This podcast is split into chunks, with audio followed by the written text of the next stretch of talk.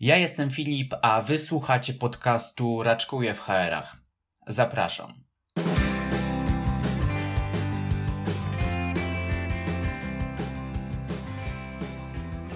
Szanowni słuchacze, mam dzisiaj dla Was świetną rozmowę z Krzysztofem Kępińskim. Krzysiek pracuje jako freelancer, programista, a w czasie wolnym tworzy podcast Porozmawiajmy o IT. Swoją działalnością w internecie inspiruje ludzi pracujących w branży IT do poszerzania wiedzy i doskonalenia umiejętności. Mam nadzieję, że będzie to dla Was wartościowy odcinek oraz że wyciągniecie z niego dużo cennych wskazówek lub pomysłów. Zanim zaczniemy, chciałbym zachęcić Was do sprawdzenia podcastu Krzyśka, ponieważ oprócz ciekawych technicznych rozmów jest tam sporo wartościowego materiału przydatnego dla każdego herowca. Tymczasem zaczynamy. Cześć Krzysztof, miło mi Cię gościć w raczkującym podcaście. Cześć Filip, bardzo dziękuję za zaproszenie. Jak Twoje samopoczucie? A, dziękuję, w porządku. Nagrywamy sobie od rana, ładny dzień, więc jest pozytywnie. Super, bardzo się cieszę. E, no to co, porozmawiamy o IT? Z chęcią, ja zawsze.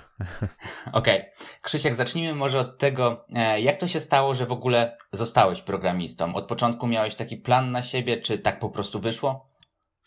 Jasne. Wiesz, y, pierwsze pytanie i od razu trudne. Okej. Okay. E, znaczy, to w moim przypadku była akurat dosyć prosta sytuacja, bo e, znalazłem taką swoją pasję, powiedziałbym dosyć wcześnie, już e, gdzieś w końcowych klasach szkoły podstawowej. Bardzo mhm. zainteresowałem się mm, programowaniem, dlatego wiedziałem, że to w jakiś sposób jest dla mnie droga na przyszłość. Jest to, powiedzmy, jakiś mój wymarzony zawód na ten moment, który chciałbym wykonywać. No i z racji na to w miarę mm, sukcesywnie planowałem sobie też edukację, mm, następnie kolejne prace po to, żeby właśnie do tego, do tego etapu powiedzmy dojść. I mm, to było dla mnie dosyć e, proste i oczywiste w odróżnieniu na przykład od moich kolegów czy koleżanek, ponieważ chodziłem do mm, liceum ogólnokształcącego, no i tam oczywiście osoby nie do końca były na początku mm, przekonane, co chcą w życiu robić. Ja od razu wiedziałem, w którym kierunku moją karierę, moją edukację e, powinienem sobie gdzieś tam e, pchać, żeby osiągnąć właśnie to, ten cel, który gdzieś tam sobie założyłem. Dlatego mhm. no, było to dla mnie dosyć proste i oczywiste. Mhm. Okej, okay. no dobra, to powiedz mi, od początku miałeś plan na, na siebie, wiedziałeś mniej więcej, gdzie chcesz iść. Mm, to jak wyglądały Twoje początki? Jak podszedłeś w ogóle do etapu nauki, do wyboru technologii, języka programowania? Jak to wyglądało? Mhm. Wiesz, no nie będę tutaj e, ciebie i słuchaczy oszukiwał, że to był bardzo e, szczegółowy i rozplanowany plan. Dużo było w tym e, przypadku i, i zbiegów okoliczności. O ile mniej więcej wiedziałem, jaki mam taki cel długofalowy, czyli zostanie programistą, o tyle powiedzmy na tym ten plan się mniej więcej kończył. Znaczy nie miałem na przykład określonej, określonego obszaru tak, mhm. tego programowania, bo to jest oczywiście bardzo szeroka, bardzo szeroka dziedzina. Nie miałem też jakiegoś określonego planu co do, co do wyboru mm, technologii. Na początku początku to była taka dosyć luźna i otwarta e, pasja, że tak powiem, czyli próbowałem no, różnych, e, różnych zastosowań, e, ale najbardziej to, co mi gdzieś tam zaczęło pociągać właśnie podczas studiów, to było programowanie stron aplikacji internetowych, bo okay. tutaj bardzo szybko można mm, uzyskać jakiś naprawdę fajny, dobrze wyglądający i szybko działający efekt. Mhm. No i z racji na to, to były lata 2002-2003, no nie było aż tak szerokiego spektrum technologii czy języków, z którego można by było sobie coś wybrać, zwłaszcza jeśli chodzi o aplikacje e, webowe. Dlatego no, wybrałem najbardziej popularny na ten moment e, język PHP, no oczywiście HTML i e, JavaScript jako takie dodatki. Wówczas no, można powiedzieć, że ten wybór był uproszczony i no, bardziej oczywisty, jeżeli chciało się iść w tym, w tym kierunku. No i tak już na studiach zacząłem sobie powiedzmy jakieś swoje projekty, takie hobbystyczne rzeczy robić. No, okazało się później, że równie mm, łatwo i równie szybko można właśnie w tych technologiach dostać pracę. No i tak to e, poszło w tym, w tym kierunku, mniej więcej pokierowałem właśnie swoje dalsze wybory. Okej, okay, a pamiętasz e, z czego czerpałeś tą wiedzę? Czy to był bardziej internet, książki? Jak to wyglądało? E, jasne. No, e, głównie to był internet faktycznie. Mm, natomiast e, ja mam takie podejście do nauki programowania bardzo pragmatyczne i bardzo praktyczne. To znaczy, staram się na początku mniej więcej ogarnąć całość jak, jakichś materiałów, jakiejś teorii w, w takim podejściu rozeznania, powiedzmy, sytuacji i jak najszybciej staram się wykonywać coś praktycznego. Dlatego no, też bardzo wiele uczyłem się po prostu programując, po prostu no, mhm. po, robiąc kod, ucząc się na, na, na błędach, szukając rozwiązań w internecie. Trochę też z książek, natomiast no, tutaj żyjemy w takich czasach, kiedy to jest znacznie prostsze, jest znacznie łatwiejsze niż było kiedyś. W momencie, kiedy ja gdzieś wchodziłem w tą, w tą, w tą branżę, no to ilość materiałów była jednak sporo ograniczona. Jasne. A no właśnie, widzisz, to jest ciekawy temat. A powiedz mi, jeżeli teraz miałbyś zacząć e, naukę programowania, to myślisz, że coś byś zmienił, inaczej byś podszedł do tego procesu, czy raczej podobnie, czyli e, zacząłbyś po prostu próbować to robić i, i uczyć się na błędach? Mhm. Znaczy, myślę, że to podejście jest jak najbardziej nadal aktualne i dobrze się sprawdza, przynajmniej w moim przypadku. Znam wiele osób, które mają również y, podobne podejście, natomiast to, co bym może zmienił albo dodał z tego, co nie robiłem, to próba skomunikowania się, próba połączenia się z ludźmi, którzy są na podobnym etapie, mhm. albo może nawet krok do przodu, po to, żeby jak gdyby przyspieszyć tą naukę, po to, żeby móc się skonsultować, po to, żeby móc dostać jakąś wskazówkę. Mm, obecnie mamy całkiem dużo miejsc w sieci, gdzie możemy taką e, pomoc właśnie uzyskać od grup facebookowych poprzez, poprzez e, różnego typu e, portale i tak dalej. Jest mnóstwo ludzi, którzy dzielą się wiedzą i myślę, że to jest taka rzecz, która znacznie e, przyspiesza i w momencie, kiedy trafiamy w taki ślepy zaułek, kiedy wydaje nam się, że nie ma rozwiązania problemu, na który trafiliśmy, no to jest e, czasem jedyne skuteczne rozwiązanie. Myślę, że warto każdemu polecić, żeby jak najszybciej spróbował dołączyć właśnie do takich społeczności, które w jakiś sposób przyspieszą po prostu jego e, lub jej proces nauki. Jasne. E, Krzysztof, a powiedz mi, czy pamiętasz może, co było Twoją największą trudnością w pierwszej pracy jako programista? Hmm. Tutaj może Cię zaskoczę, bo to nie były takie problemy e, ściśle technologiczne czy związane z technologią. To bardziej mhm. były rzeczy związane z interakcjami z, z, z innymi. Pamiętam w pierwszej pracy to mm, największym problemem, czy największą taką e, trudnością, z którą się e, zmagałem, to była relacja pracownik-szef. E, szef nie był w ogóle gdyby wspierający, to znaczy w sensie miał podejście na zasadzie masz tutaj rzecz do wykonania, wróć, kiedy to już będzie, e, będzie zrobione, prawda? Czyli mhm. żadnego jak gdyby tutaj e, wsparcia, żadnego, żadnej wskazówki, czy, czy, czy, czy jakiejś, jakiejkolwiek pomocy e, w trakcie. I myślę, że to jest problem, na który też trafia właśnie wielu juniorów, wiele, wiele osób, które dopiero gdzieś tam rozpoczynają i muszą sobie same radzić z tymi, z tymi problemami, które gdzieś tam napotykają. Ja też miałem podobny problem. I kojarzę też bodajże drugi albo trzeci projekt, w którym brałem udział. Tam była mm, sytuacja z kolei tego typu, że pracodawca w żaden sposób nie starał się rozwijać pracowników. Myślę, że to jest też istotna e, sprawa. To jest też rzecz, którą obecnie osoby, które szukają pracy, no zdecydowanie e, poszukują bądź wymagają. E, no, chcemy się w pracy też rozwijać. W tej branży IT, zwłaszcza ten nacisk na rozwój jest istotny. Ja tego też, jak gdyby mm, w tej pracy, o której teraz e, mówię, w żaden sposób nie byłem w stanie mm, e, otrzymać. Mhm. O ile gdzieś tam, mając już ileś lat doświadczenia, mamy też taką zdolność, czy taką umiejętność uczenia się, mamy umiejętność łączenia kropek i poszukiwania rozwiązań, o tyle na początku musimy się tego nauczyć. Jeśli jak gdyby nie mamy tego wsparcia, czy nie mamy tych, tych wskazówek, no to, to znowu ten proces się e, wydłuża i możemy się po prostu e, zniechęcić. Więc to były takie dwie kwestie: brak wsparcia i brak rozwoju ze strony pracodawcy, które gdzieś tam najbardziej mi e, utkwiły z takich problematycznych rzeczy. Jasne. Wiesz co, opowiedz mi w takim razie, jak to wygląda z perspektywy lat doświadczenia, które teraz obecnie posiadasz, ponieważ do niedawna mieliśmy, tak mi się wydaje, e, takie przekonanie, że programista jest zawodem przyszłości. Mm, teraz są czasy pandemii, troszkę trudniejsze dla każdej z branż. Jak myślisz, mhm. jak to wygląda na rynku IT? Tak, znaczy myślę, że nadal jest to zawód e, przyszłości, gdy e, spróbujemy sobie wyobrazić, ile e, rzeczy z, takich, z takiej, powiedziałbym, sfery cyfrowej nas otacza, ile jeszcze będzie nas otaczało, no to zdecydowanie widać, że ten trend y, przyrostowy będzie wymagany, będzie niezbędny. Będzie potrzeba coraz więcej ludzi, którzy są mm, w stanie napisać oprogramowanie, którzy są w stanie utrzymywać obecne, obecne systemy.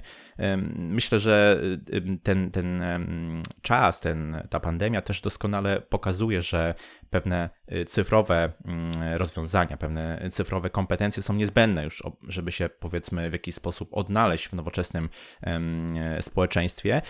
No i też jak gdyby trzeba sobie zdawać sprawę, że za, za tym wszystkim e, stoją ludzie, którzy te rozwiązania utrzymują, którzy te rozwiązania projektują i e, programują. Ktoś to po prostu, ktoś to po prostu musi robić. Mm, oczywiście, że w jakiejś takiej krótkofalowej e, perspektywie ta sytuacja, powiedzmy, jakiegoś tam obniżenia mm, gospodarczego, jakiegoś tam lekkiego załamania gospodarczego odbije się na poszczególnych osobach, na poszczególnych mm, branżach w IT również.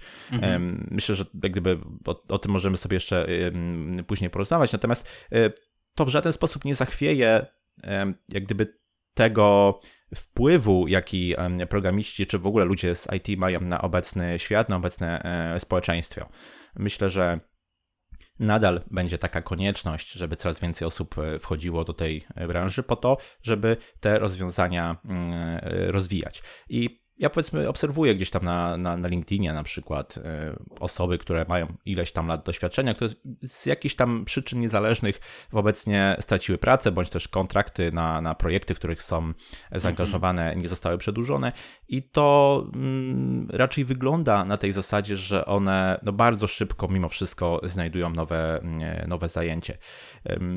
To też jak gdyby ma oczywiście wiele różnych gdzieś tam e, swoich e, przyczyn, bo może trochę inaczej sytuacja będzie wyglądała w przypadku juniorów, o czym też możemy, e, o czym też możemy e, porozmawiać. Natomiast, natomiast no są e, braki, duże braki ciągle w doświadczonych osobach, które byłyby w stanie na przykład rozwijać szybko i sprawnie nowe rozwiązania informatyczne. I myślę, że jak gdyby ta obecna sytuacja z pandemią nie zachwieje tego. Jasne. E, dobrze, Krzysztof, trochę do tego nawiązałeś. Ja tak może pokrótce powiem, e, jak chciałbym poprowadzić naszą dzisiejszą rozmowę, mm, ponieważ część e, tej rozmowy chciałbym, żeby przydała się osobom, które stawiają pierwsze kroki w IT, a część chciałbym nakierować na tą stronę, która działa bardziej HR-owo, biznesowo. Mhm. Wiem z Twojego życiorysu, że pracowałeś jako head of IT w jednej z berlińskich firm.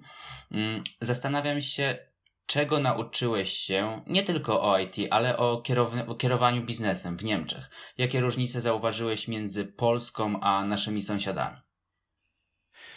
Tak, faktycznie od jakiegoś czasu Mm, współpracuje z różnymi startupami, e, głównie berlińskimi, w różnych e, rolach, od programisty poprzez gdzieś tam właśnie takie role e, head of IT.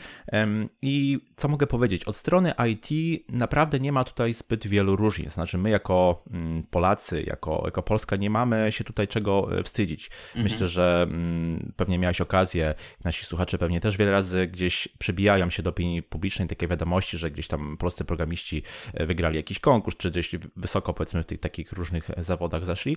Mm, I to, i to faktycznie, to faktycznie tak, e, tak jest. My naprawdę mamy duże e, kompetencje, które możemy wykorzystać i, i mm, gdyby ilość takich ośrodków kompetencyjnych, ilość ośrodków e, na przykład firm zagranicznych, korporacji, które tutaj w Polsce zajmują się IT, też doskonale o tym, o tym świadczy. Po prostu jesteśmy gdzieś tam doceniani jako ludzie od, ludzie od IT. Mm, natomiast jeśli chodzi o prowadzenie biznesu, to mm, no tutaj gdyby oczywiście nasza gospodarka jest znacznie młodsza niż e, gospodarki e, chociażby z Europy Zachodniej, dlatego mamy jeszcze sporo nadrobienia. Robimy e, tutaj dobrą robotę, żeby te, te, te, te braki, te różnice szybko niwelować, ale wiadomo, że potrzeba na to jeszcze trochę czasu.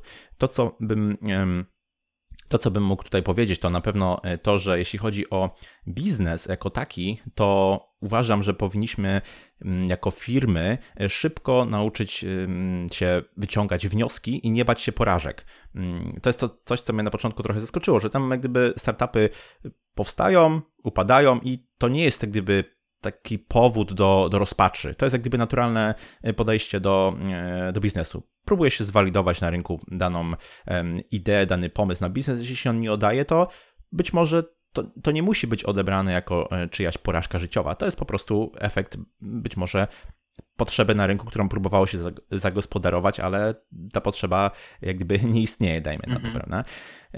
Nauczyłem się też tego, że ludzie są ważni, że trzeba doceniać e, relacje z, z, z, innymi, to nie tylko z, z, klientami, że jakby dbanie o klientów, bo ten customer support, customer care to jest istotne, ale również e, dbanie o relacje z członkami naszego zespołu. Ja bardzo często mam jak gdyby taką sytuację, kiedy przechodząc do innego projektu, do innej firmy, mam okazję pracować z ludźmi, z którymi już wcześniej miałem e, gdzieś tam okazję mm, współpracować. Dlatego te dobrze, dobre relacje, to, to dbanie o relacje właśnie z ludźmi jest istotne. I co jeszcze może tutaj od strony IT bym dodał, to istotne jest to, że oczywiście Osoby z IT, programiści zajmują się kwestiami technicznymi, ale powinny również próbować zrozumieć biznes, powinni również zrozumieć tą, tą domenę, ten, ten core tego biznesu, na czym firma zarabia. Myślę, że, myślę, że gdyby odchodzimy od takiego rozumienia IT, które jest tylko mm, zbiorem ludzi zamkniętych w piwnicy, wykonujących jakieś tam rzeczy na, na, na, na ekranie monitora a la, a la Matrix, to jest część y, biznesu. To jest część biznesu, dlatego ludzie techniczni muszą również e, zrozumieć, jak gdyby, jak ten biznes działa, ale to również biznes musi edukować drugą stronę e, IT, w jaki sposób właśnie te procesy wyglądają. To, to są, myślę, takie istotne rzeczy.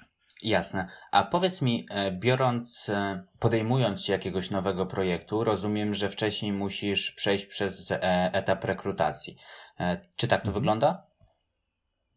E, I tak i nie. Tak jak mówiłem, obecnie głównie pracuję w, w, kręgu ludzi, którzy gdzieś tam powiedzmy jedynie zmieniają firmę czy zmieniają e, produkt, natomiast dużo rekrutacji dzieje się właśnie z polecenia, dużo okay. rekrutacji dzieje się w takim kręgu osób, które już jakoś tam po prostu się kojarzą i, e, i znają. Powiem szczerze, że bardzo dawno nie byłem już na takiej tradycyjnej rekrutacji, czyli nie, nie próbowałem jak gdyby um, jak gdyby przyjąć się do firmy, która jest mi zupełnie obca i nie znam tam e, nikogo. Mhm, rozumiem. Tak. Mhm. E, bo chciałem Cię podpytać, no nie wiem, czy będziesz teraz w takim razie w stanie wrócić pamięcią e, do tych czasów, kiedy, kiedy podejmowałeś się tych rekrutacji, ale ja, co Cię zaskoczyło najbardziej w tym procesie w porównaniu do tego, co mamy w Polsce? Czy, czy było coś takiego, że dostałeś jakieś pytanie, które, którego byś się nie spodziewał, albo coś, co było dla Ciebie dużym zaskoczeniem? Hmm? Wiesz co, może od strony technicznej to, to nie, bo tutaj gdyby to, to, to dużo mam wrażenie się nie różni, natomiast bardziej wydaje mi się, że firmy zagraniczne stawiają trochę na ten culture fit.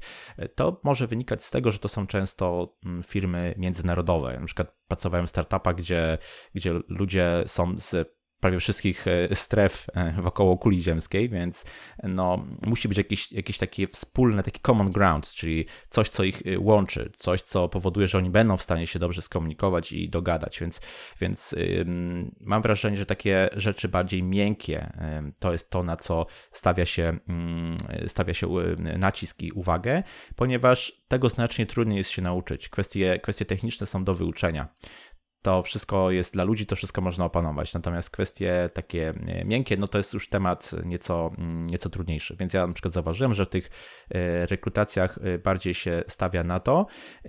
Nie pyta się też o takie rzeczy typu, gdzie widzisz siebie za 3 czy za 5 lat. Okay. Co niestety często u nas jak gdyby ma miejsce. Mhm. I ja rozumiem jak gdyby podstawę czy tam zasadność tego, natomiast mm, na przykład w niemieckich startupach, niemieckich firmach doskonale ludzie zdają sobie sprawę, że nie żyjemy już w czasach, kiedy dana osoba pracuje przez 20 lat w jednej firmie. jeśli będzie dwa, e, dwa, tak, jeśli będzie dwa lata w jednym projekcie mm, IT, to już jest, to już jest ok, to już jest, e, to jest w porządku. Więc e, próba jak gdyby wyciągnięcia od kandydata, gdzie on widzi siebie za 5 lat, jest, jest po prostu abstrakcyjna w tak szybko zmieniającym się, zmieniającym się świecie. Mm, natomiast to, co, może jeszcze ostatnia rzecz, to co mhm. jest istotne, to jest próba dowiedzenia się, gdzie ten kandydat, w którym kierunku on chce się rozwijać, po to, żeby mu po prostu w tym pomóc, bo jeśli on e, ma jakieś zainteresowania, mm, jakieś e, obszary, które go interesują, to najprawdopodobniej e, wsparcie rozwoju tego, tej osoby w tym kierunku spowoduje, że on będzie się lepiej sprawdzał niż próba rzucenia go w obszary, które może niekoniecznie są dla niego takim, takim no, mm, przyjaznym gruntem. Jasne. Ciekawe. E, no dobra, schodzimy, schodzimy z tego tematu mm, zagranicznych startupów. E, no i e, przechodzimy do, na, na, na nasze podwórko. Mm, obecnie mamy na rynku mnóstwo juniorów poszukujących swojej pierwszej pracy w branży IT. Mm, no i chciałbym Cię zapytać, co według Ciebie powinien potrafić junior developer i kiedy wiedzieć, że to jest no, odpowiedni czas na poszukiwanie pierwszej pracy? Tak, to jest bardzo e, dobre pytanie i faktycznie wiele osób e, realnie ma z tym problemy. Ja nieraz rozmawiam z e, osobami, które dopiero wchodzą do branży ale, albo są gdzieś na, na początku tej kariery i dla nich to jest bardzo trudne y, pytanie i nieoczywiste tak naprawdę. Ja y, jakiś czas temu mm, ponad chyba dwa lata temu nagrałem właśnie podcast na, na ten, ten, temat, jakie umiejętności według mnie powinien junior developer posiadać. I co ciekawe, to jest najczęściej odsłuchiwany e, podcast w historii e, w ogóle wszystkich moich epizodów, więc faktycznie widać, że ludzie potrzebują odpowiedzi na takie e, pytanie. Mm, ja spróbowałem odpowiedzieć na to pytanie, posługując się trzema takimi typami, powiedzmy, umiejętności, które według mnie mm, są istotne. I na początku może powiem jeszcze, że to nie chodzi o to, żeby już na, mm, jak gdyby dysponować wszystkimi tymi umiejętnościami. Do tego można gdzieś tam sobie powoli dążyć, natomiast no, trzeba sobie zdawać sprawę, że mm, konieczny jest rozwój w różnych aspektach. Okay. Wyszliśmy już z takiego etapu, kiedy oczekuje się tylko i wyłącznie umiejętności twardych na zasadzie znajomości, nie wiem, określonego języka programowania. To, to, to spektrum umiejętności, mm, które są wymagane, jest już e, szersze. I ym, oczywiście kwestie techniczne są ważne. Y, jakieś tam zaznajomienie z językiem programowania, z frameworkami, bibliotekami, które są używane y, w danym, w danym języku. To wiadomo, to oczywiście się zmienia w, w zależności od e, technologii, ale gdyby mm, istotny jest ten punkt, że nie tylko sam język, ale również biblioteki, frameworki, które są e, używane. To może być jeden framework, w którym się chcemy specjalizować. Natomiast no, trzeba sobie zdawać z tego sprawę. Jakieś tam zaznajomienie z bazami danych i z testowaniem mm, automatycznym jest też bardzo wskazane, bo to są praktyki i rzeczy wykorzystywane w prawie każdej firmie, więc no, trudno będzie nam e, gdzie, gdziekolwiek się zaczepić, jeśli nie mamy o tym jakiegokolwiek pojęcia. I oprócz tych kwestii technicznych, istotne są też kwestie nietechniczne. I tutaj najistotniejszą rzeczą jest znajomość języka angielskiego chociażby na poziomie czytania dokumentacji albo wymiany kilku e, zdań e, z klientem, z gdzieś tam product ownerem, który często jest właśnie osobą anglojęzyczną. Oprócz znajomości języka angielskiego z takich nietechnicznych rzeczy, no to mm, sporo takich, powiedziałbym, umiejętności miękkich. Trzeba mieć jakąś e, ambicję, jakąś e, chęć e, rozwoju, która jest według mnie bardzo istotna na początku, bo pozwala nam jak gdyby zrozumieć, że nie wszystko jeszcze potrafimy, e, a często tak niestety, niestety jest. To jest taki znany też efekt, że na początku wydaje nam się, że kiedy już trochę opanowaliśmy, to tak naprawdę prawie wszystko potrafimy. Potem szybko okazuje się, że to jednak nie była prawda, więc musimy mieć takie podejście, że ja tego nie wiem. Nie, nie wstydzę się powiedzieć, że, że czegoś nie wiem. To jest też według mnie mniej istotne.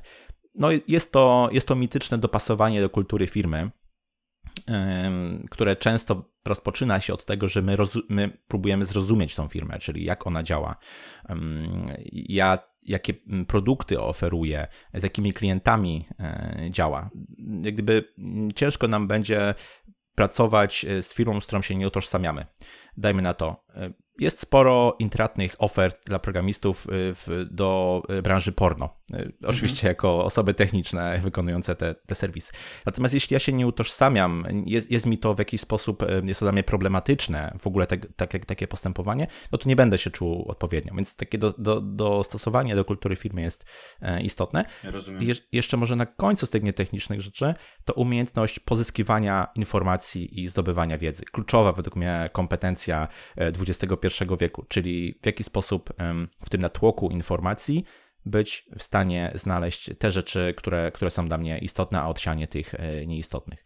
Mhm. I ostatnim takim obszarem tych umiejętności, które według mnie junior developer mm, powinien posiadać, to są narzędzia. Narzędzia używane na co dzień w pracy e, dewelopera. No i to jest jakiś tam system wersjonowania e, e, typu Git, który jest pewnie najczęściej mm, wykorzystywany.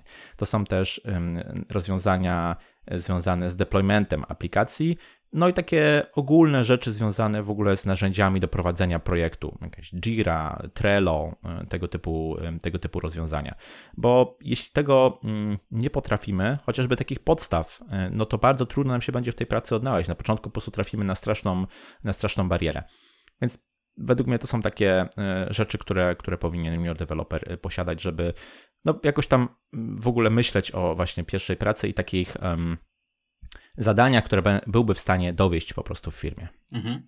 E, wiesz co, Krzysztof, tak, tak, powiedz, bo przerwałem. E, tak, jeszcze może dodam, bo pytałeś też o to, kiedy najlepiej poszukiwać już mhm. tej pracy. Jak najszybciej, bo jeśli pójdziemy na kilka rozmów kwalifikacyjnych, to po pierwsze e, ten stres związany z rozmowami nam będzie spadał z każdą kolejną, a po drugie to jest świetne narzędzie, żeby otrzymać feedback i dowiedzieć się, czego jeszcze nie potrafimy. Chyba ciężko mi sobie wyobrazić lepsze. E, po kilku rozmowach, jeśli widzimy, że faktycznie jest nam wskazywane, że to i to jeszcze musimy opanować, no to to jest bardzo proste, idealne wskazanie, gdzie jeszcze powinniśmy się douczyć.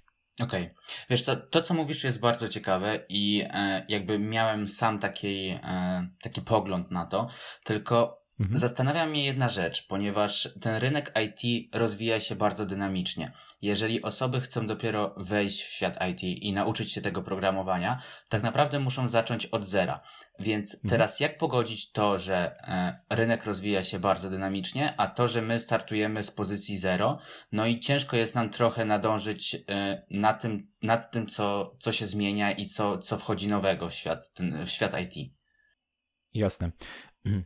Okej, okay, wiesz co, zauważ, że e, tak naprawdę w tych e, umiejętnościach, które wymieniłem, to kwestie techniczne związane z językiem programowania czy z bibliotekami, to jest tylko, no, może z 20-25%. Resztę to są rzeczy, które są stałe i niezależnie od tego, jaką firmę wybierzemy, czy z jaką e, technologią będziemy mieli do czynienia, to mm, nadal gdyby będzie to od nas wymagane. Więc jak gdyby chodzi, chodzi mi o to, że to nie jest y, tak, że naszą główną umiejętnością jest znajomość na przykład języka programowania Java. Mhm. Oczywiście to jest istotne, to jest istotne, tego musimy się nauczyć. Natomiast jak gdyby to, to nie jest jeszcze komplet ten, który jak gdyby jest, jest, jest potrzebny prawda? Tak, rozumiem. E, powinniśmy po prostu równolegle rozwijać jeszcze inne e, kompetencje, które są no, w dzisiejszych czasach powiedziałbym już niezbędne e, dla, dla, dla programisty. Okej. Okay. Dobra, powiedziałeś, co jest według Ciebie najważniejsze, a teraz tak z własnego doświadczenia albo z informacji, które posiadasz no, od na przykład swoich rozmówców, na co najbardziej zwracają uwagę rekruterzy, którzy na przykład poszukują juniorów na staże, na stanowiska mm, początkujące?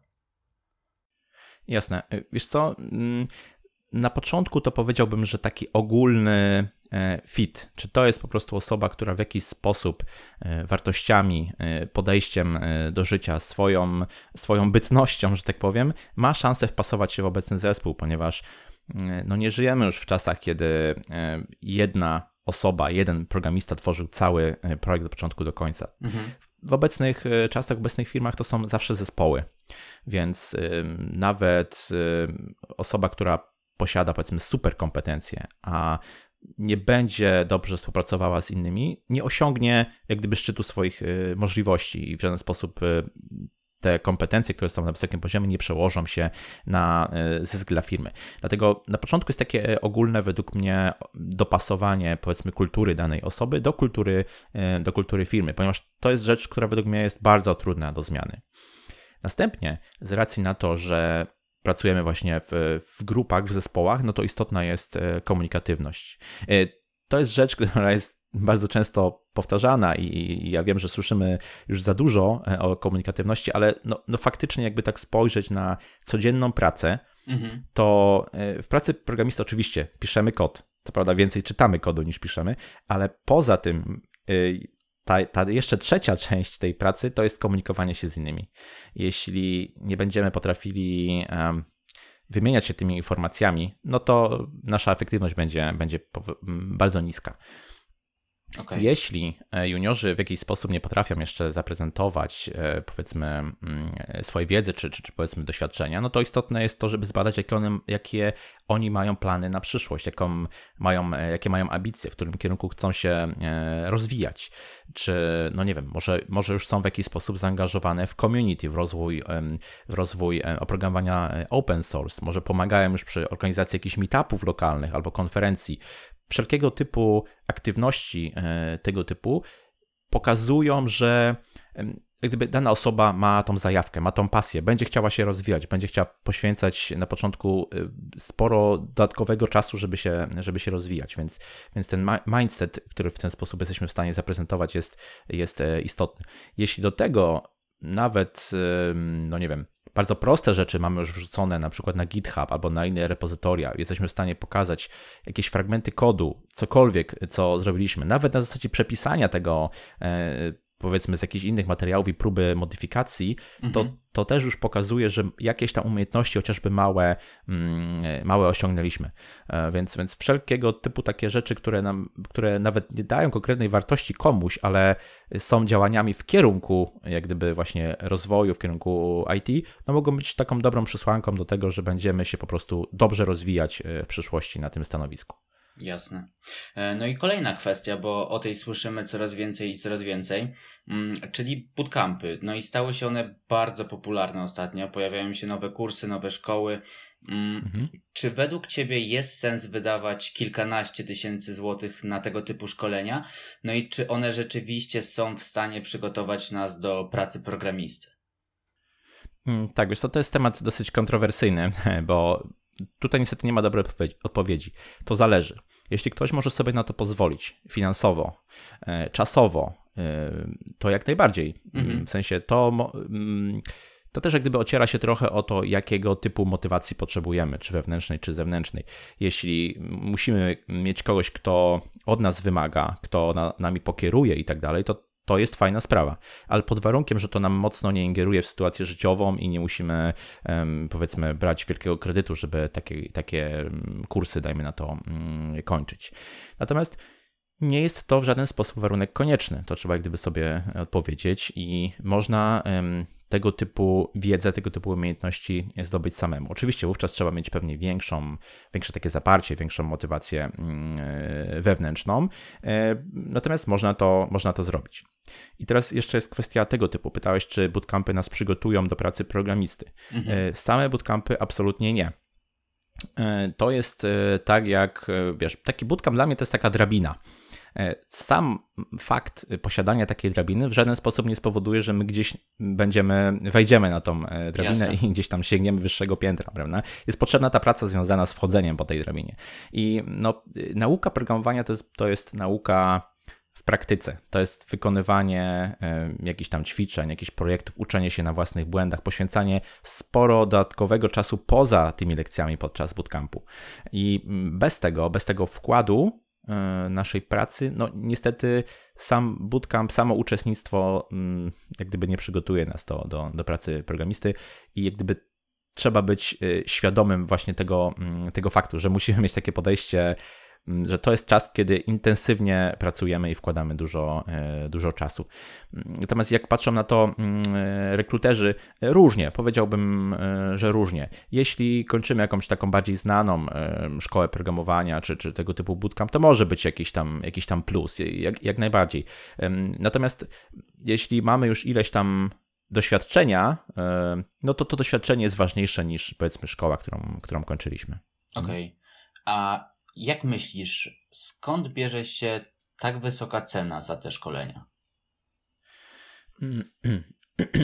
Tak, znaczy to, to jest uzasadnione kilkoma rzeczami. Przede wszystkim e, przeważnie w takich szkołach uczą osoby, które gdzieś tam już y, w swojej karierze zaszły dosyć wysoko. Mają naprawdę dużo, do, dużo lat mm, doświadczenia, y, zęby zjadły na niejednych projektach, mają też pewne zacięcie dydaktyczne. No i takie osoby mm, muszą być wynagradzane odpowiednio, żeby powiedzmy w takiej, w takiej szkole y, uczyć. Poza tym bardzo często takie szkoły dają też dostępy do różnych platform czy do różnych materiałów płatnych, więc to jak gdyby też wpływa na to, że mm, że, że mm, ta cena jest taka, a nie inna. Mhm. No i mm, często też pomagają w jakiś tam sposób zdobyć pracę lub zaistnieć, czy w jakiś sposób odnaleźć się, zwłaszcza na początku na rynku pracy. To wszystko wymaga pracy ludzi, odpowiedniego sztabu ludzi. No i no, ta cena oczywiście po części, po części wynika z tego. No plus to, że gdyby na rynku panuje takie przekonanie, że praca jako programista e, to jest e, mm, praca lekka, dobrze opłacana, więc gdyby no jest duże, e, duża podaż ludzi, którzy chcą w ten sposób jak gdyby do mm, branży IT po prostu wejść. No i to też oczywiście podbija tam cenę. Jasne, rozumiem. No dobrze, wspomniałeś przed chwilą o umiejętnościach miękkich, których poszukują rekruterzy u kandydatów. Mm, mhm. Zastanawiam się, czy te umiejętności różnią się w zależności od stażu pracy i technologii, jakimi posługuje się dany programista. Czy one są bardziej stałe, czy, czy zmienne pod względem tego, ile lat pracujemy w, e, w tej branży?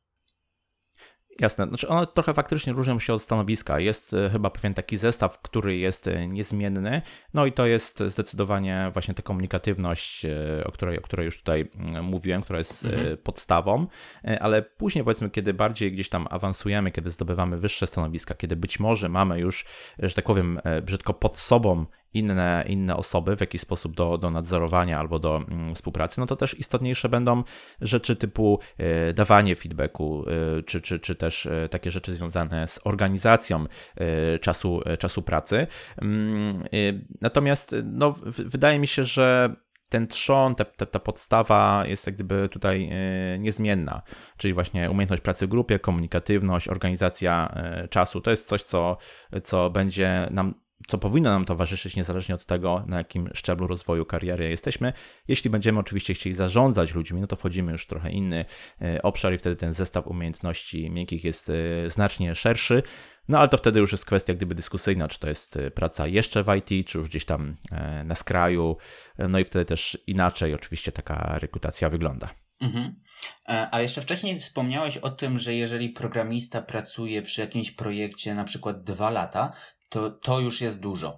Mm, mhm. Czyli to jest trochę tak, znaczy jakby potwierdziłeś trochę to, że e, programiści dosyć często zmieniają projekty, dosyć często zmieniają pracę. Zastanawiam się, jak obecnie wygląda sytuacja mm, z programistami e, w odniesieniu do pandemii, którą mamy, czy dalej jest, e, czy dalej programiści tak chętnie zmieniają pracę i biorą udział w różnych rekrutacjach, czy raczej teraz wolą zostać przy tych projektach, przy których są? Tak, wiesz, no sytuacja jest taka trochę dwuznaczna, bo faktycznie nadal brakuje ludzi, faktycznie nadal są prowadzone rekrutacje w firmach, które jak gdyby w żaden sposób nie są dotknięte tą, e, tą pandemią, ponieważ na przykład świadczą takie właśnie usługi cyfrowe, ale z drugiej strony no, zatrzymywane są, czy też jakieś przedłużane są rekrutacje, które powiedzmy są wątpliwe pod tym względem, że były prowadzone trochę na wyrost e, być może, natomiast nie, nie pokrywały jakiejś realnej potrzeby. I mm, obecnie to nie jest taki super też czas na zmianę pracy, no bo wyobraźmy sobie, że nawet uda nam się przejść do innej firmy, do innego projektu. Jesteśmy tam osobą nową, z zewnątrz bardzo często. W sytuacji, jeśli w tej firmie sytuacja się pogorszy, no to najprawdopodobniej będziemy pierwszą osobą gdzieś tam niestety do, e, do zwolnienia.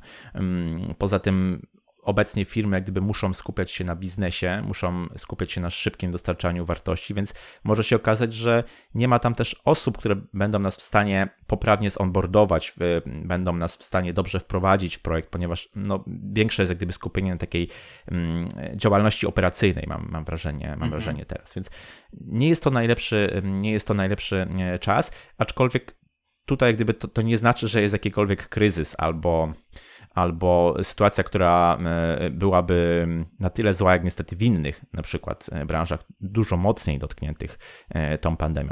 Nadal jak gdyby rekrutacje trwają, nadal ludzie zmieniają projekty, bądź też są zmuszeni do szukania nowych projektów, ale ten okres od, od powiedzmy zwolnienia czy zaprzestania współpracy do poszukania sobie następnego zajęcia, e, no nie jest e, w jakiś sposób na tyle długi czy problematyczny, mm, żeby to nie było coś, co powiedzmy nas w jakiś sposób jest w stanie mocno urazić. Mhm. Więc obserwuję mniejszy ruch, ale ciągle on jest.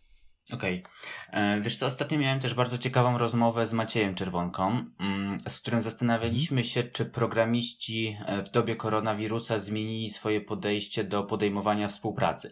Bo przed pandemią mhm. dużo chętniej podejmowali współpracę na zasadach B2B. Mm, no i teraz, czy myślisz, że koronawirus wzbudził w, pro w programistach taką potrzebę stabilności i teraz chętniej rozważają umowę o pracę?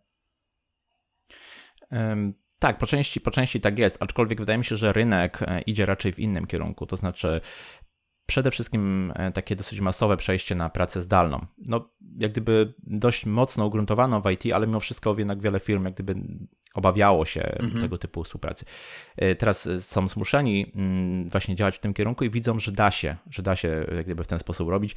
E, dosłownie chyba wczoraj widziałem gdzieś informację, że Twitter ogłosił, że jeśli ktoś chce z ich pracowników pracować e, zdalnie, to może pracować ile chce w ten sposób. Nie musi w żaden sposób wracać do, mm, do firmy, nawet gdy pandemia już ustanie. Więc firmy widzą, że, że tak się da właśnie pracować zdalnie, a jednocześnie bardziej jest to przejście na taką pracę projektową na pracę, y, kiedy powiedzmy zlecamy dane zadanie, taką zadaniową, prawda?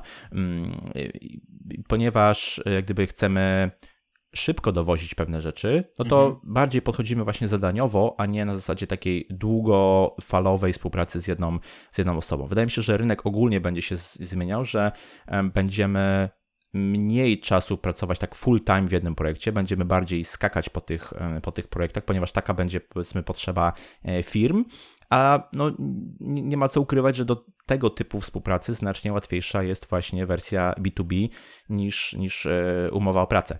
E, więc to po części rynek, mam wrażenie, bardziej jak gdyby e, wymusza niż, niż, niż, sami, niż sami programiści. Bo programiści, jak gdyby mam wrażenie, że bardziej cenią sobie, czy ogólnie osoby z IT, nie tylko programiści, cenią sobie bardziej taką wolność i też możliwość przeskoczenia na inny projekt, żeby się po prostu rozwijać. Mam wrażenie, że nie chcą mieć tego dodatkowego, dodatkowego balastu, Aczkolwiek to oczywiście też zależy od osoby. Niektórzy preferują stabilizację i wtedy no, umowa o pracę jest dla nich istotniejsza. Zależy od tego, czego szukamy. Jasne. E, dobrze, dobrze. Wrócę na chwilę do tematu rekrutacji. Mm, w jednym z Twoich podcastów rozmawiałeś na temat rekrutacji do dużych korporacji. I to mi dało mhm. no, taki ciekawy pomysł na pytanie mm, i w sumie podsumowanie tego, o czym rozmawiałeś e, w tamtym podcaście. Mm, może coś się od tamtej pory zmieniło. Chciałem zapytać Cię, jakie wady i jakie zalety dla programistów ma praca w dużych korporacjach? Mhm. To jest faktycznie mm, pewien mit, który się troszkę teraz e, rozpuszcza, że korporacje są bardzo sztywnymi organizacjami, również w, w, w IT, jak gdyby procesy tam, tam rządzą, a człowiek jest gdzieś na samym, na samym końcu.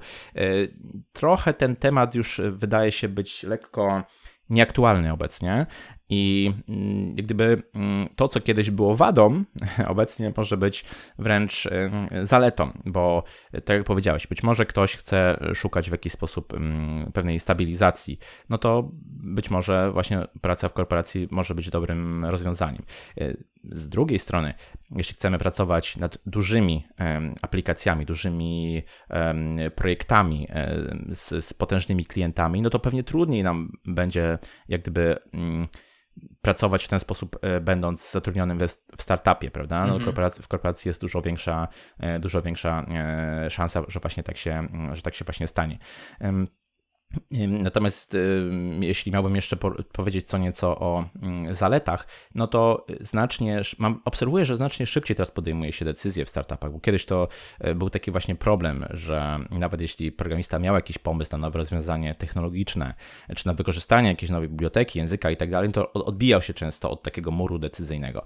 E, obecnie mam wrażenie, że znacznie e, taki sposób bardziej lean funkcjonują, taki, taki sposób bardziej agile'owy funkcjonują e, korporacje, zwłaszcza działy IT i, i, znacznie łatwiej jest te decyzje gdzieś tam e, podejmować i wykorzystywać właśnie, wykorzystywać nowe technologie. Więc to raczej powiedziałbym, że oczywiście są zawsze jakieś wady i zalety pracy w korporacji, tak samo jak są wady i zalety pracy w startupie czy w software house. E, musimy być jak gdyby świadomi tego, co, co wybieramy i to, co dla niektórych może być wadą związaną z z, praca, z pracą w korporacji dla innych może być zaletą, dlatego mogą jak gdyby kierować swoją karierę właśnie w tym kierunku. Okej. Okay. E, wpadłem na taki ciekawy pomysł na pytanie. Mm, zobaczymy, czy będzie dla ciebie trudne. E, jeżeli miałbyś podjąć teraz taką spontaniczną decyzję, o ile tak w ogóle możemy nazwać e, proces zmiany pracy, to wolałbyś stanowisko w startupie, w mniejszej firmie, czy raczej w dużej korporacji i dlaczego?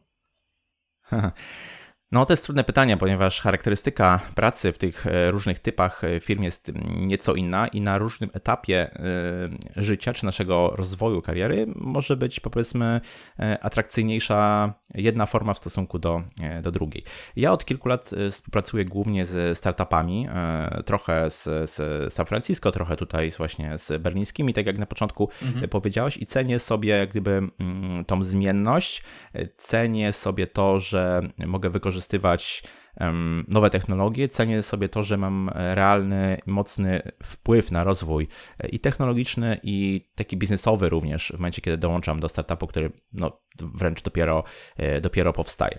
Mm, więc myślę, że raczej kierowałbym się nadal w tym, e, w tym kierunku, natomiast no, nie wykluczam, że jeśli no nie wiem, będę chciał w jakiś sposób osiągnąć większą stabilizację, no to pewnie wtedy pokierowałbym się e, w kierunku właśnie e, korporacji, bo tam też można jak gdyby zajmować się, mm, czy można mieć stanowiska, które nie istnieją wręcz w innych, w innych startupach, tak? Dajmy na to coś, o czym gdzieś tam myślałem jakiś czas temu, to jest, to jest taki, taki ewangelista, czyli osoba, która w jakiś sposób jak gdyby udziela się mediach społecznościowych, w konferencjach i tak dalej, która, która w jakiś sposób mówi na przykład o rozwiązaniach technologicznych danej firmy, bardziej działa właśnie w kierunku community. To jest fajna rzecz, która pewnie no, poza korporacjami, dajmy na to, mm, nie istnieje. Dlatego na ten moment zostanę jeszcze przy startupach. Być może za jakiś czas, kiedy mi się to przeje przysłowiowo, wtedy będę szukał zmiany gdzieś w większych firmach. Mhm. E, widzisz, narodził się fajny, kolejny, ciekawy temat e, i mhm. chciałbym go teraz podejść do niego od strony juniorów.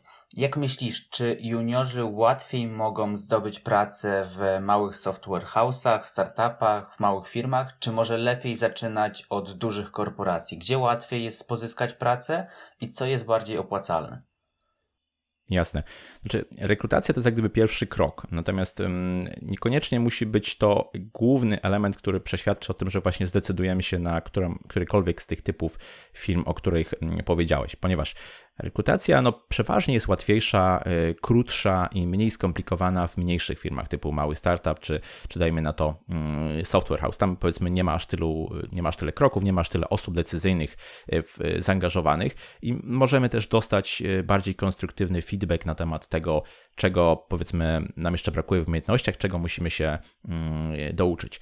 Ale z drugiej strony startupy często, mm, no i software house'y w sumie też, często szukają ludzi o konkretnym profilu z doświadczeniem, które te osoby powiedzmy mogłyby od razu wskoczyć na, na zadania wręcz i e, mhm. jak gdyby od razu generować tą, tą wartość. Często nie ma przestrzeni i czasowej, i finansowej na to, żeby mm, osoby, osoby bez doświadczenia e, szkolić, prawda? To raczej jest tutaj, dużo się dzieje i, i jak gdyby chcemy przejść e, do przodu. Z kolei w, w mm, korporacjach właśnie może być mm, przestrzeń i miejsce na tym. Możemy, możemy sobie dołączyć jako właśnie stażysta, jako, jako junior i możemy trafić trafić wręcz na korporację, która ma z góry zdefiniowany taki proces e, szkolenia osoby, tak? Możemy sobie sukcesywnie e, zdobywać wiedzę. No, natomiast no, jakby trzeba być świadomym, że w takiej korporacji będąc stażystą czy juniorem będziemy mieli bardzo mały wpływ na to, co tam się dzieje. No, pewnie zanim dostaniemy jakieś realne zadanie, y, minie, y, minie trochę, trochę czasu. Y, dlatego no, tutaj odpowiedź niestety jest, jest zależy. Może łatwiej będzie juniorom dostać pracę w dużej korporacji, ale za to no, ten rozwój po zatrudnieniu pewnie może być wolniejszy niż gdyby udało im się trafić właśnie do takiego dynamicznego e, software house'u czy, czy startupu, gdzie się po prostu dużo dzieje i w ogniu walki, że tak powiem, e, uczymy się bardzo szybko. Mhm, rozumiem. E, dobrze. Mm, mam do Ciebie teraz takie dwa bardzo ważne pytania i one są bardzo podobne do siebie. Pierwsze z mhm. nich, jak powinien przygotować się programista do rozmowy rekrutacyjnej? Hmm. Jasne, wiesz, no najistotniejsza rzecz mimo wszystko według mnie i e, coś takiego, co pozostawia straszny niesmak, jeśli e, tego gdzieś tam sobie nie odhaczymy, to jest poznanie e, firmy.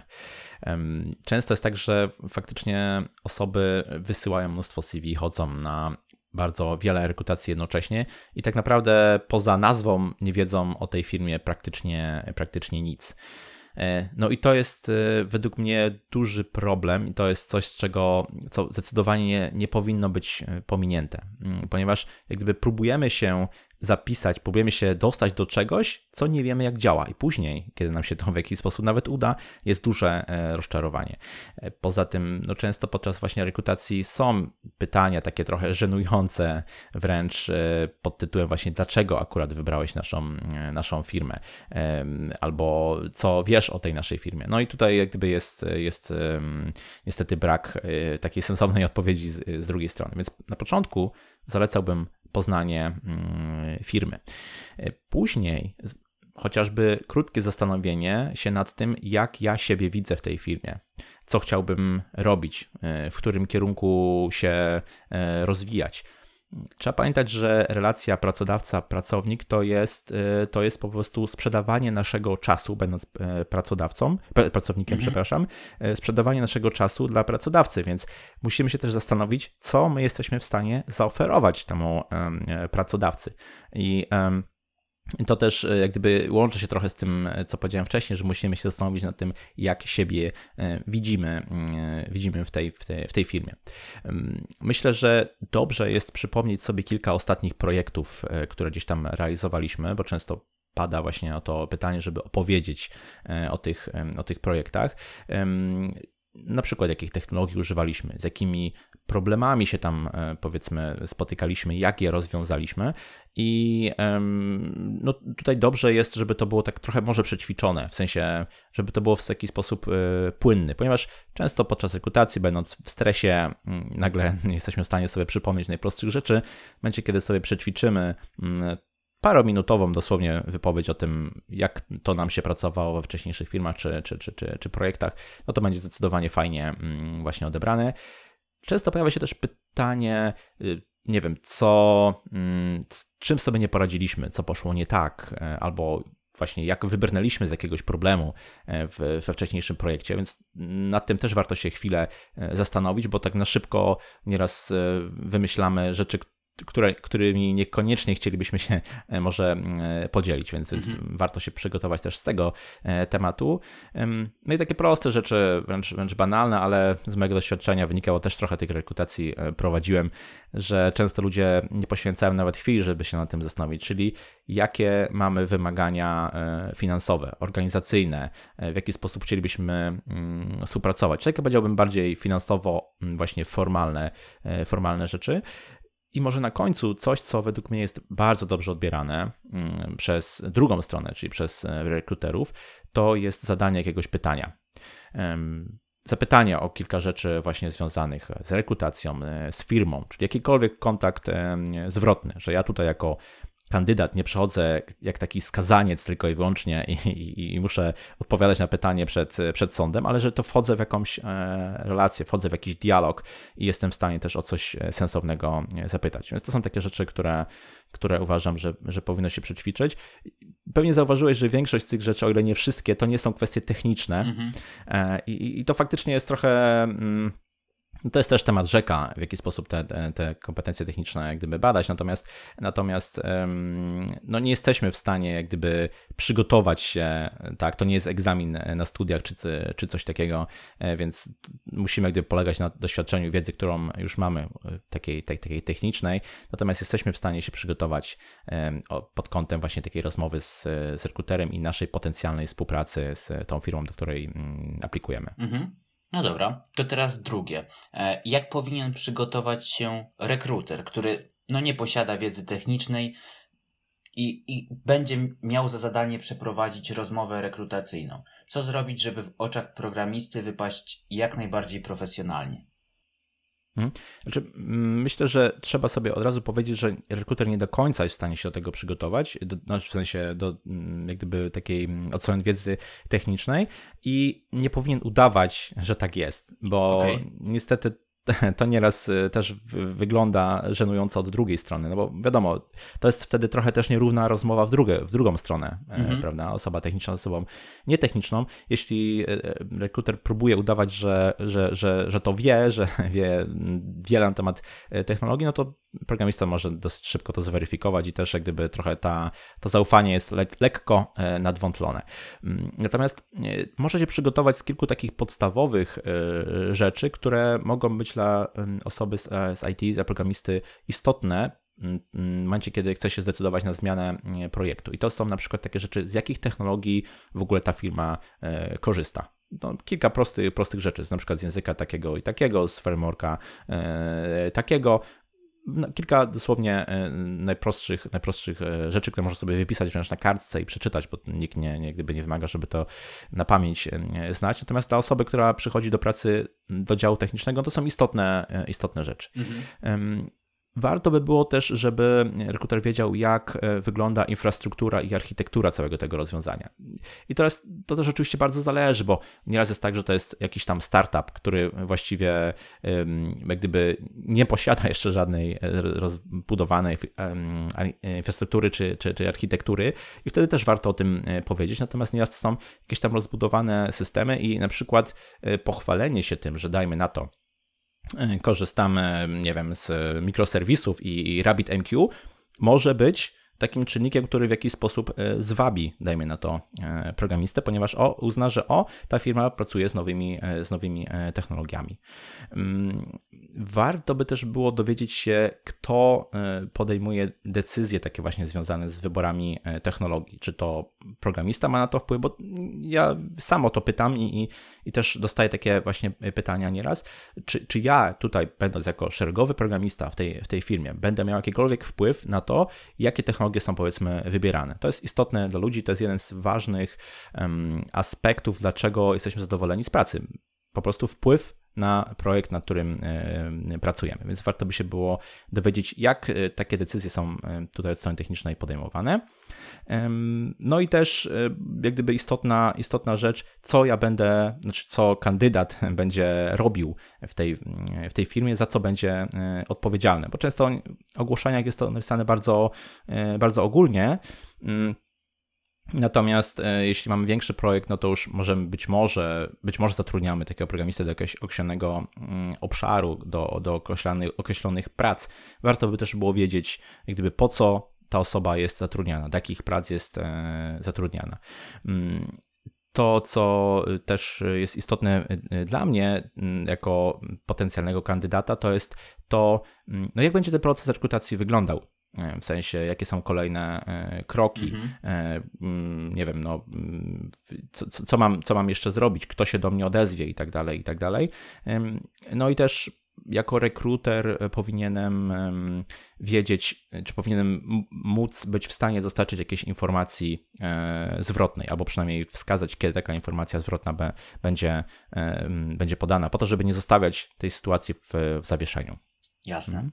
E, wspomniałeś o ogłoszeniach o pracę i wpadło mi do głowy takie pytanie, czy myślisz, że podawanie przedziału wynagrodzenia jest niezbędne w ogłoszeniach o pracę i czy to się przekłada na mm, większą trafność przesłanych CV? Mhm. Wiesz co, no to jest jeden z takich elementów, które, z których branża IT może być trochę dumna, ponieważ udało się gdyby po części e, spowodować, że faktycznie podawane są przynajmniej e, zakresy, widełki wynagrodzenia. Myślę, że to jest bardzo, bardzo istotne i wręcz dziwi mnie e, sytuacja, w której przynajmniej tego nie ma, bo tak jak mówiłem wcześniej, to jest relacja w jakiś sposób na zasadzie ja coś sprzedaję, ty coś ode mnie kupujesz. Ja sprzedaję czas, ty kupujesz ten, e, mhm. ten czas. I teraz przełóżmy to na jakąś sytuację życiową. Wyobraź sobie, że idziesz do sklepu i nie ma na żadnym artykule ceny. Że dopiero musisz wziąć ten przedmiot, podejść do sprzedawcy i dowiedzieć się, ile to kosztuje. No trochę dziwne, natomiast tak się właśnie dzieje z ofertami e, pracy. I Oczywiście, ja rozumiem. Na, to jest element, który podlega negocjacjom, który może być ustalony mm, i niekoniecznie to musi być jakaś taka fixed jedna cena, prawda? To mhm. niekoniecznie musi być ściśle, ale najczęściej jest tak, że dana firma ma określony ten, ten zakres. Wie, że no nie wiem, nie będzie w stanie zapłacić więcej niż, niż tyle i tak dalej. To, I dziwi mnie to, kiedy to nie jest podawane. Ja sam i zresztą wielu moich znajomych w ogóle w żaden sposób nie patrzy na oferty, które są tego pozbawione.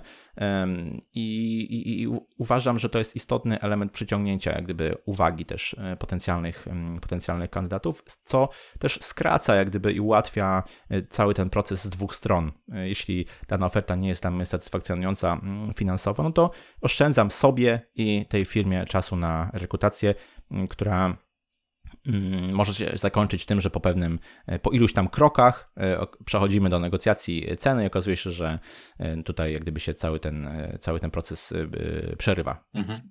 Mm, dla mnie istotna rzecz. Trochę się uśmiałem z tym porównaniem do sklepu, ale jak najbardziej jest to trafne. dobrze, dwa pytania chyba wstecz. Wspomniałeś trochę o weryfikacjach umiejętności technicznych. zastanawiam się, jak rekruter, który nie jest techniczny i nie zna się na aspektach programowania, mógłby sprawdzić umiejętności kandydata? Jakie narzędzia, jakie metody ma do dyspozycji? Jasne, no więc tutaj gdyby też y, powiem jeszcze raz, że gdyby nie jest do końca w stanie i mhm. próba uda udawania, że, że, że jest, y, najczęściej y, skończy się niepowodzeniem. Natomiast może gdyby posłużyć się kilkoma faktycznie narzędziami, czy jakimiś tam przesłankami, które coś tam już powiedzą. I w świecie IT to powiedziałbym, że um, weryfikacja profilu na przykład na GitHub, gdzie można sobie składować swój kod, może już nam dużo powiedzieć, czy na przykład Stack Overflow, dajmy na to, nie wiem, czy się angażujemy na przykład w odpowiedzi mm, dla innych osób, takie pomagające w jakichś tam e, problemach. Ilu mamy obserwujących, nie wiem, ile mamy projektów, jak często e, wrzucamy jakieś zmiany do tych, do tych projektów. Wszystko to może świadczyć o tym, że jesteśmy gdyby na bieżąco z technologią, że, że udzielamy się powiedzmy w tym, w tym środowisku. To jest jak gdyby taka pierwsza, najłatwiejsza do, do sprawdzenia rzecz, bez wnikania jeszcze w, w technikalia, bez sprawdzenia e, tego, jak ten kod wygląda, ale sama aktywność i to, że na przykład inni, e, to, że pomagamy innym, to, że inni nas obserwują, to już jest, e, to już jest duża, duża gdzieś tam duży dowód wskazujący na tym, że robimy po prostu dobrą, mm, dobrą robotę. Mm, możemy spróbować zrobić takie, taki live coding, tak? czyli, czyli powiedzmy um, dać jakieś zadanie i i mm, obserwować, w jaki sposób programista je rozwiązuje, gdyby obserwując, jaki kod pisze. I to, w jaki sposób to robi, też abstrahując w ogóle od tego, czy to rozwiązanie jest e, poprawne, e, czy nie, czy, czy optymalne, czy nie, to też w jaki sposób pozwala nam już dużo wniosków wyciągnąć. Czy on jest, y, czy musi się posiłkować jakimiś gotowymi e, rozwiązaniami, w jaki sposób ten, ten kod y, pisze, czy, czy od razu przystępuje do działania, czy, na, czy może najpierw rozpisuje to w jakiś sposób, czy stosuje testy. No tutaj jak gdyby wiele takich e, detali, natomiast samo już obserwowanie tego procesu może nam trochę e, powiedzieć. No i wreszcie są Wreszcie są takie automatyczne Mm, testy czy, czy, czy automatyczne metody weryfikacji takich umiejętności, mm, jakiś DevSkiller, HackerRank, mm, Codility chyba mhm. i wiele, wiele, wiele tego typu rzeczy, które których nie jestem e, fanem, aczkolwiek stają się one coraz lepsze dzięki zastosowaniu też sztucznej inteligencji i innych e, mechanizmów do tego, żeby tą wiedzę e, zweryfikować. To jest temat trochę śliski, ponieważ Niekoniecznie zawsze testujemy, czy sprawdzamy e, tą wiedzę, którą chcielibyśmy sprawdzać, bo nie chodzi o to, żebyśmy kogoś odpytywali ze znajomości suchych faktów, które są do sprawdzenia w dwie sekundy. Bardziej chodzi o to, żeby e, sprawdzić taką wiedzę praktyczną.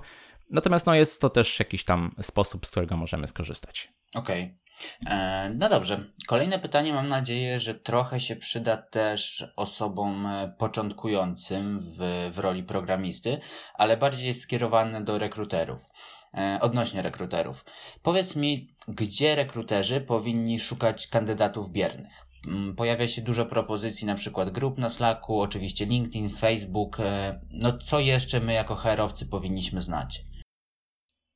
Jasne. Oprócz tego, co, co wymieniłeś, faktycznie grupy facebookowe, takie, które są dosyć zawężone, e, na przykład do, do lokalizacji, do, do kraju, do technologii, myślę, że to jest e, dobre miejsce. No i też, no może nie w obecnych czasach, ale mimo wszystko jakieś meetupy i, i, i, i konferencje, um, różnego typu targi pracy, takie skierowane dla, mm, dla IT, być może nawet już takie uczelniane, no bo tam często też mamy do czynienia z ludźmi, którzy są w jakiś sposób, mają już doświadczenie, powiedzmy nawet, tak, studiując mają doświadczenie, które można wykorzystać mm, w projektach, w projektach komercyjnych. No ale no tutaj gdyby nie ma co ukrywać, że chyba LinkedIn jest mm, najbardziej przodujący na ten moment. Ja, ja sam korzystam, sam sprawdzam, wiele osób to robi. Myślę, że to już do świadomości, że to jest taki mm, portal dla profesjonalistów. Bardzo wiele osób z, z IT tam jest, więc no, zdecydowanie na pierwszym miejscu chyba. Okej. Okay. Okej, okay, super. Dobrze, Krzysztof, a powiedz mi jeszcze, jakie języki programowania są najbardziej popularne, na jakie jest największe zapotrzebowanie. No i może z, mhm. z Twojej wiedzy też, jak myślisz, z czego to wynika i, i jak długo ten stan rzeczy będzie, będzie się utrzymywał? Mhm.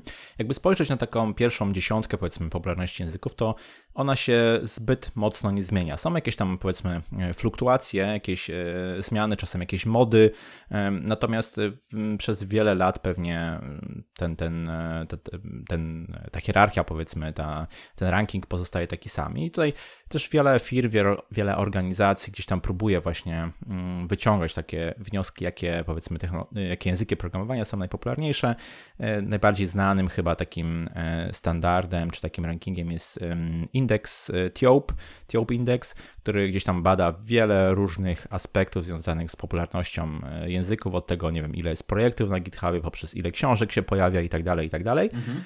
I mm, tam, tak jak mówiłem, ta, ta pierwsza dziesiątka, czy tam no, pierwszy, pierwszych kilkanaście, powiedzmy, języków zbyt mocno mm, nie fluktuuje. No i tutaj pewnie nie zdziwię cię, że na pierwszym miejscu jest Java. Mhm. Z racji na powiedzmy czas, w którym miała okazję się e, rozwijać z racji na zaangażowanie dużych korporacji, wykorzystywanie tej technologii w dużych, poważnych e, rozwiązaniach. To, to jakby e, tutaj się dużo nie zmienia.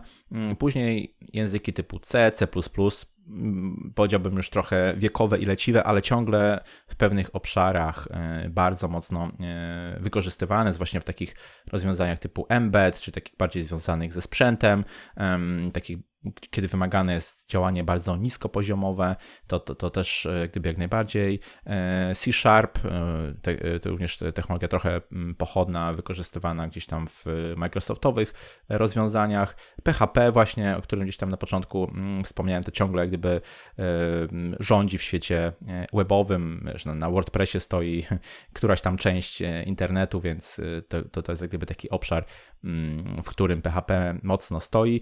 JavaScript od kilku lat bardzo y, popularny, który, wchodzi, który gdyby wyszedł już mocno poza e, przeglądarki, e, wchodzi w rozwiązania serwerowe, rozwiązania mobilowe. Mhm. Też język Swift od, od Apple'a, e, która, który właśnie służy do tworzenia rozwiązań mobilnych na te, na te platformy, e, Ruby, e, no i Kotlin też jak gdyby jako taki język e, właśnie, który w świecie androidowców jest, jest mocno znany. Więc tak tutaj widzisz, od takich rozwiązań korporacyjnych typu Java, a zapomniałem jeszcze o Pythonie oczywiście, który też jest, jest tam dosyć wysoko, który też ma przeróżne zastosowania. Ostatnio bardzo mocno w świecie sztucznej inteligencji.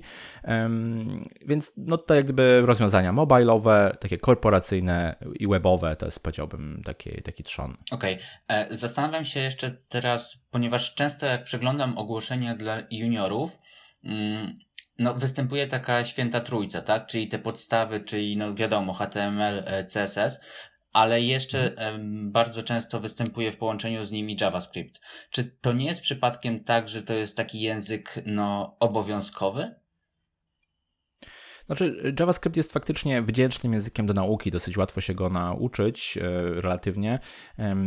Nie potrzeba zbyt wiele za wyjątkiem jakiegoś prostego edytora i przeglądarki, a jednocześnie jest językiem szerokiego zastosowania, mm, bo obecnie nie tylko gdyby różne działania związane ze stroną internetową możemy tutaj kodować z, z jego wykorzystaniem, ale również właśnie jakieś aplikacje mobilowe, czy wręcz rozwiązania backendowe e, na serwery. No i dzięki temu jak gdyby zdobywa sobie e, rzesze mm, wiernych e, użytkowników, ponieważ można go wykorzystywać w wielu, w wielu miejscach. Mhm. Wiesz, no, daleki byłbym tutaj od stwierdzenia, że to jest technologia obowiązkowa lub nie, ponieważ ja raczej mam takie podejście, że to do danego problemu dobieramy technologię, a nie odwrotnie, czyli to, że umiemy JavaScript, to jest, wiesz, tak jak jakbyś miał młotek i wszędzie widzisz gwoździe i teraz próbujesz tym JavaScriptem wszędzie mhm. gdzieś tam te projekty wykonywać, to, to na początku oczywiście, jeśli jestem juniorem, no to no tak, nie ma innej możliwości, Natomiast w miarę zaawansowania raczej staramy się dobierać dane rozwiązanie pod kategorię problemu. Ale fakt, znajomość tego języka w dzisiejszych czasach jest zdecydowanie fajnym atutem. Jeśli miałbym polecać komuś na, na przykład naukę programowania od zera, to zdecydowanie JavaScript jest dobrym wyborem. Super. Krzysztof, rozmawiamy ponad godzinę. E, będziemy powoli kończyć. Mam dla Ciebie ostatnie pytanie, które bardzo mnie ciekawi, no z racji tego, że sam jakby zaczynałem w agencji pracy i to pytanie będzie z tym powiązane. E, mhm. Wiem, że będzie pewnie ciężko odpowiedzieć, bo tutaj będziemy bardzo generalizować to wszystko, ale zastanawiam się, jak z Twojego doświadczenia e, wygląda opinia programistów na temat agencji pracy? Czy programiści chętnie odpowiadają na zaczepki rekruterów z agencji, czy raczej wolą procesy prowadzone bezpośrednio przez firmy albo software house'y? Mhm tutaj powiem, że zależy. Znaczy ja osobiście na przykład mam fajne relacje z kilkoma rekruterami, ale to są takie relacje e, długoterminowe. To znaczy, to nie jest tak, że mm, no wiesz, dany rekruter ma na przykład do, mm, do zapełnienia jakieś stanowisko i po prostu leci, wiesz, ciurkiem przez wszystkie kontakty, wysyła niespersonalizowane e, wiadomości, taki mass mailing czy spamowanie. No to nie jest, to nie jest dobrze widziane, nie? Wi wiadomo. Mimo wszystko mm, próba chociażby włożenia trochę siły po to, żeby e, spróbować skontaktować się z człowiekiem, a nie z kandydatem, który jest scharakteryzowany umiejętnościami, e, no, może się przełożyć na wiele fajnych rzeczy, bo często obserwuję i tak e, też tak mam, że jeśli ok, ta rekrutacja powiedzmy nie wypali, ale nawiązałem fajną relację, jest gdzieś tam nić, nić porozumienia z rekruterem, to w mhm. momencie, kiedy będę chciał zmienić projekt, najprawdopodobniej się do niego odezwę ponieważ e, po prostu wywarł na mnie pozytywne mm, wrażenie. I może się okazać, że jeśli nie teraz, to w przyszłości e, sfinalizujemy tą współpracę w jakiś, e, w jakiś sposób. Natomiast jeśli no, taki rekruter jak gdyby swoim takim nachalnym podejściem, takim zupełnie odczłowieczonym podejściem jest zniechęci, no to no to powiedzmy w przyszłości nie ma szans, żeby cokolwiek z tego wyszło, a najprawdopodobniej e, nawet jeśli odezwie się do mnie z fajną e, ofertą, no to gdzieś ten niesmak pozostanie i tutaj też będę się na tym e, zastanawiał. Więc według mnie warto budować po, po prostu relacje z, z osobami, w jakiś sposób podchodzić do tej osoby rekrutowanej jako do człowieka, mm, a nie anonimowego kandydata i wtedy, wtedy jak, jak najbardziej ma to szansę, powiedzmy, wypalić. Mhm. Super. E, Krzysiek, no bardzo się cieszę, że mieliśmy okazję porozmawiać, że mogłeś nam trochę przybliżyć ten świat IT. E, mam nadzieję, że sporo, mm, sporo lekcji, sporo informacji będą, e, będą w stanie słuchacze z tego wyciągnąć. No chwila dla Ciebie. Jakbyś mógł jeszcze powiedzieć, gdzie nasi słuchacze mogą Cię znaleźć? Pewnie. E, Filip, no to ja Tobie bardzo dziękuję za zaproszenie. E, trzymam oczywiście kciuki za rozwój Twojego e, podcastu. Mam nadzieję, że, że trochę przybliżyłem ten, ten świat IT. Jeśli ktoś chciałby dowiedzieć się czegoś więcej o branży IT, to zapraszam do też do mojego podcastu Porozmawiajmy o IT, też na stronę Porozmawiajmy o IT, albo do mojego profilu na LinkedInie, jeśli ktoś ma jakieś pytania związane z IT, ja bardzo chętnie też odpowiadam, e, pomagam, więc e, zapraszam poprzez te e, dwa kanały i z chęcią, z chęcią pomogę, z chęcią odpowiem. Super. Bardzo Ci dziękuję jeszcze raz. To była ogromna przyjemność. Dziękuję. Do usłyszenia. Dziękuję bardzo. Cześć.